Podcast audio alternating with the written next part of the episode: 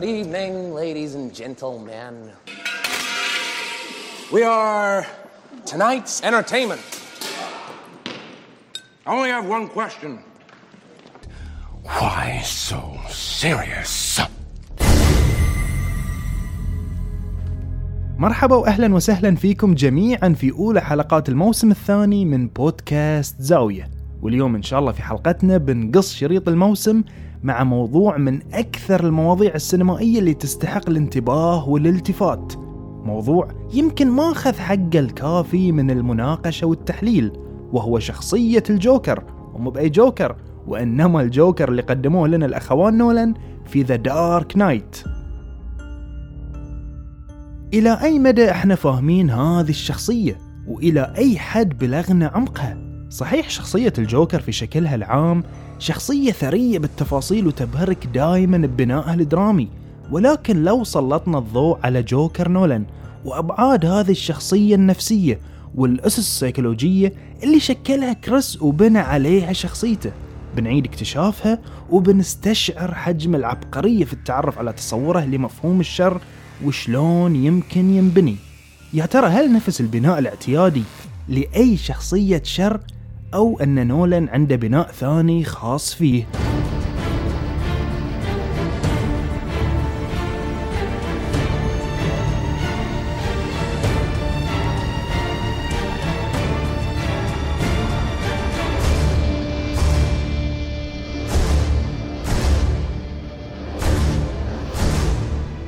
يستند كريستوفر نولان في بناء شخصيات وصراعات The Dark Knight على تصور عالم النفس التحليلي فرويد. وبالتحديد كتابه الأشهر اللي هو التحليل النفسي سواء في تشكيل شخصية الجوكر أو هارفي دنت أو حتى هوية مدينة غوثم بشكل عام.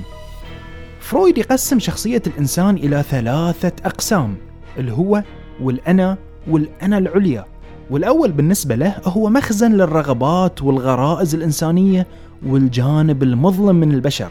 بينما القسم الثاني هو الجزء اللي من شخصيتنا واللي يضبط اندفاعات القسم الأول. بينما الأنا العليا هو خضوعنا للقوانين والتقاليد وسلطات الناس اللي أعلى منا مثل الوالدين والمؤسسات القانونية وغيرهم من الجهات اللي تضبط سلوكياتنا. وتطبيقا على فيلم ذا دارك نايت والجوكر بالتحديد بنلاحظ إنه يمثل القسم الأول حرفيا. لأنه يجسد الجانب الفوضوي من الشخصية اللي تسعى دائما إلى هدم الثوابت الأخلاقية والاتجاه على الدوام إلى نقضها بينما الأنا تمثل هارفي دنت اللي يمثل الجهة الرقابية القانونية في المدينة في حين أن الأنا العليا هي قوانين مدينة غوثم اللي هدمها الجوكر تماما في نهاية الفيلم.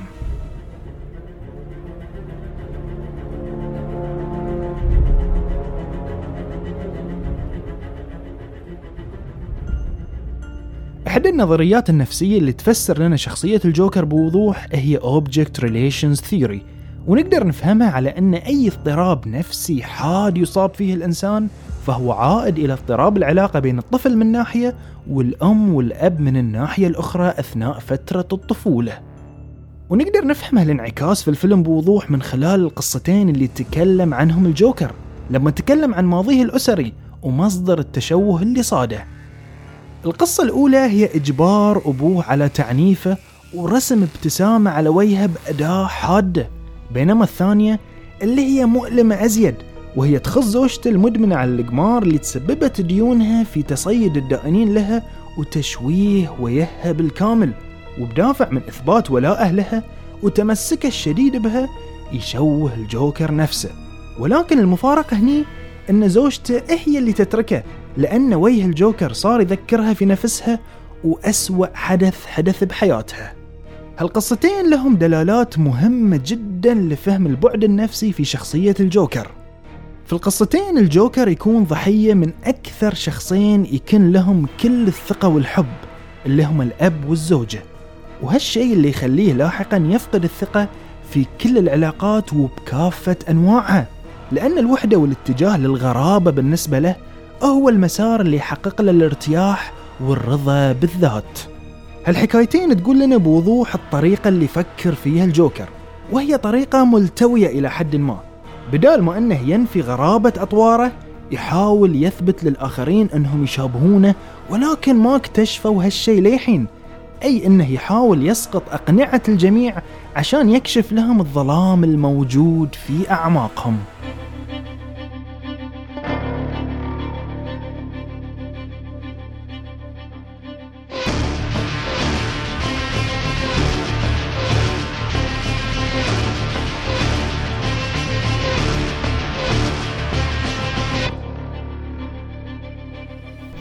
أستغرب من اللي يقول إن تركيز نولان في كتابة الجزء الثاني كان يرتكز على باتمان.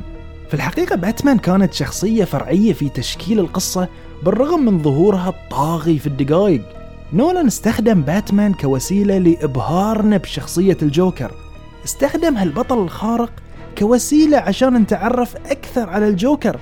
وعشان بطلنا الخارق في الواقع تكون مهمته الرئيسية في كتابة النص تكميل شخصية الجوكر.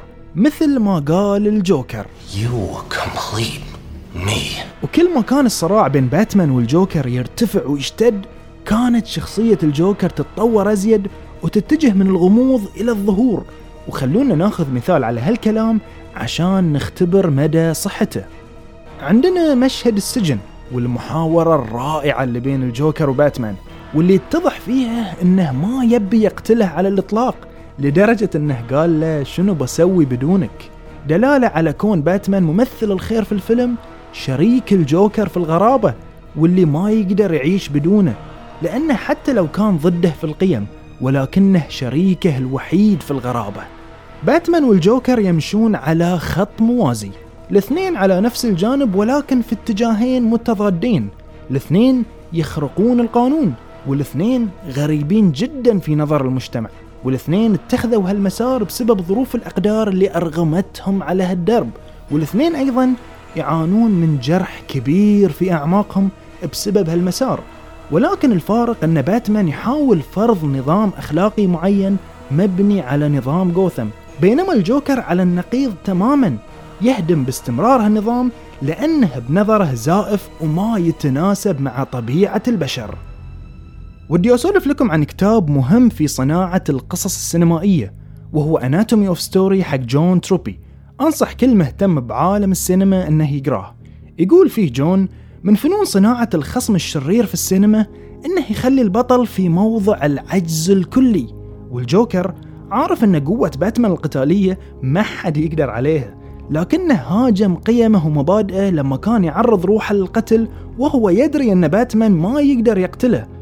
في حين إنه يتلاعب فيه مثل ما يبي بلعبة الخيارات اللي يلعبها ضد المقربين من بروس وين وشعب غوثم البريء. هذه هي عبقرية الجوكر. شخصية تهاجم القيم وتلاعب بعقلك وتخليك تحت ضغط نفسي كبير لحد ما تقود نفسك للجنون.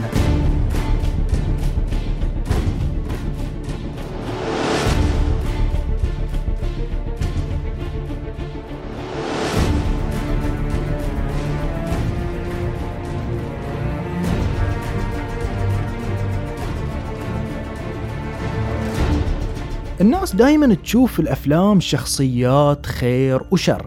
وكل اللي يصير في النماذج السينمائية الاعتيادية هو التدافع بين الخير والشر. ولكن لحظة هل فكرنا في نموذج غير كذي؟ أو بعبارة أخرى شلون ممكن أقدم فكرة التدافع بين الخير والشر في صياغة جديدة غير فكرة الصراع والتدافع المعتاد؟ في مقابلة لكريستوفر نولان بعد صدور فيلم The Dark Knight في 2008 قال نقطة مهمة جدا عن هذه الجدلية. ووضح بأن بناء شخصية الجوكر ما يقتصر بس على استفزاز شخصيات الخير وإنما زعزعت منظومتهم الأخلاقية وقلبها عليهم عشان يحولهم أشرار. وهذه هو جوهر الإبداع في كتابة النص واللي مثلت مخاطرة كبيرة جدا إن التدافع أصلا غير موجود. وكل اللي قاعد يصير في الفيلم ألعاب ذهنية يمارسها الجوكر عشان تبقى سلطته الأخلاقية هي الطاغية على المدينة You see, this is how crazy Batman's made Gotham. You want order in Gotham. Batman must take off his mask and turn himself in. Oh, and every day he doesn't, people will die. Starting tonight. I'm a man of my word. مسألة الألعاب الذهنية اللي يستخدمها الجوكر مبنية على الخيارات والاحتمالات. أي أنك لازم تختار طريق معين عشان تروح فيه. وكلنا نتذكر اللعبة اللي لعبها ضد باتمان لما كان في السجن.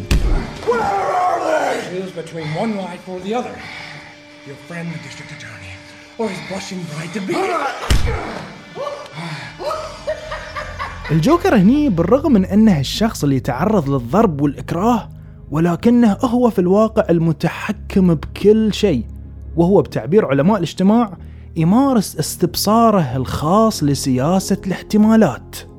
الجوكر مقتنع تماما أن شخصية الإنسان تخضع في تطورها للاحتمالات والصدف وأن الإنسان مستحيل حياته تتخذ طور مغاير عن طورها السابق بدون اختيار مصيري وهني فايدة ثانية من هالكتابة الذكية إن الجوكر أشبه بالشخصية اللي تغذي الشخصيات الأخرى بمصير حياتهم ومصير الفيلم نفسه It's simple. We uh, kill the Batman. If it's so simple, why haven't you done it already? If you're good at something, never do it for free. وطبعا من المستحيل لما نتكلم عن الجوكر ما نتكلم عن الأداء الاستثنائي لهيث ليدجر اللي توفى مباشرة بعد الفيلم في ظروف غامضة سبقتها مضاعفات نفسية حادة.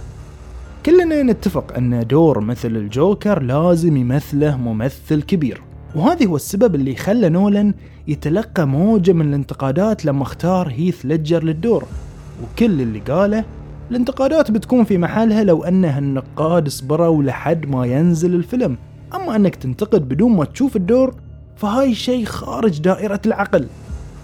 بغيت بس أتكلم عن فيلم وثائقي اسمه Too Young to Die.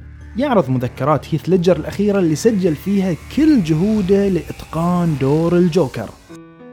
يقول هيث أنه سكن في غرفة في لندن لمدة شهر وما طلع منها محاولة منه لإتقان الدور وجرب أصوات وضحكات مخيفة جدا وبحسب تعبيره انتهى الأمر بالجوكر داخل عقلي. والغريب أنه أنهى مذكراته بكلمة bye bye وهي بحسب المقربين منه آخر شيء يكتبه قبل لا يموت. ومات في ظروف غامضة جدا ما حد يعرف أسبابها الواقعية إلى اليوم. العديد من الممثلين اللي مثلوا دور الجوكر عانوا نفس المعاناة. جاك نيكلسون مثلا لما مثل الدور سنة 1989 انتهى فيه الحال إلى أنه يتعالج عن طبيب نفسي لمدة زادت عن السنة. وحتى خواكين فينيكس عانى من مضاعفات نفسية خطيرة كانت واضحة عليه في خطابه في الأوسكار. في الواقع تمثيل دور الجوكر أشبه بأنك تبيع روحك للشيطان لأنك كثر ما تعمقت في هالشخصية كثر ما فقدت نفسك.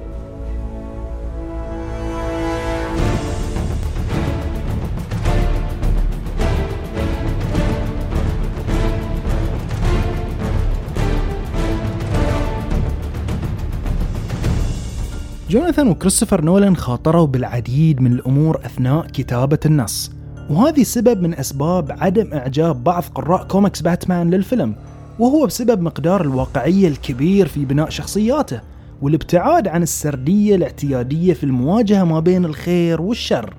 كريس وجون قدموا جوكر استثنائي تماما وهو بنظر الكثيرين أفضل تمثيل حق هالشخصية المعقدة. اللي كانت جزء مركزي ومهم جدا في الثورة اللي حققها نولان على صعيد أفلام ال superheroes لدرجة أن العديد من النقاد ليومنا يشوفون الجزء الثاني فيلم درامي بحت ما له علاقة بأفلام ال superheroes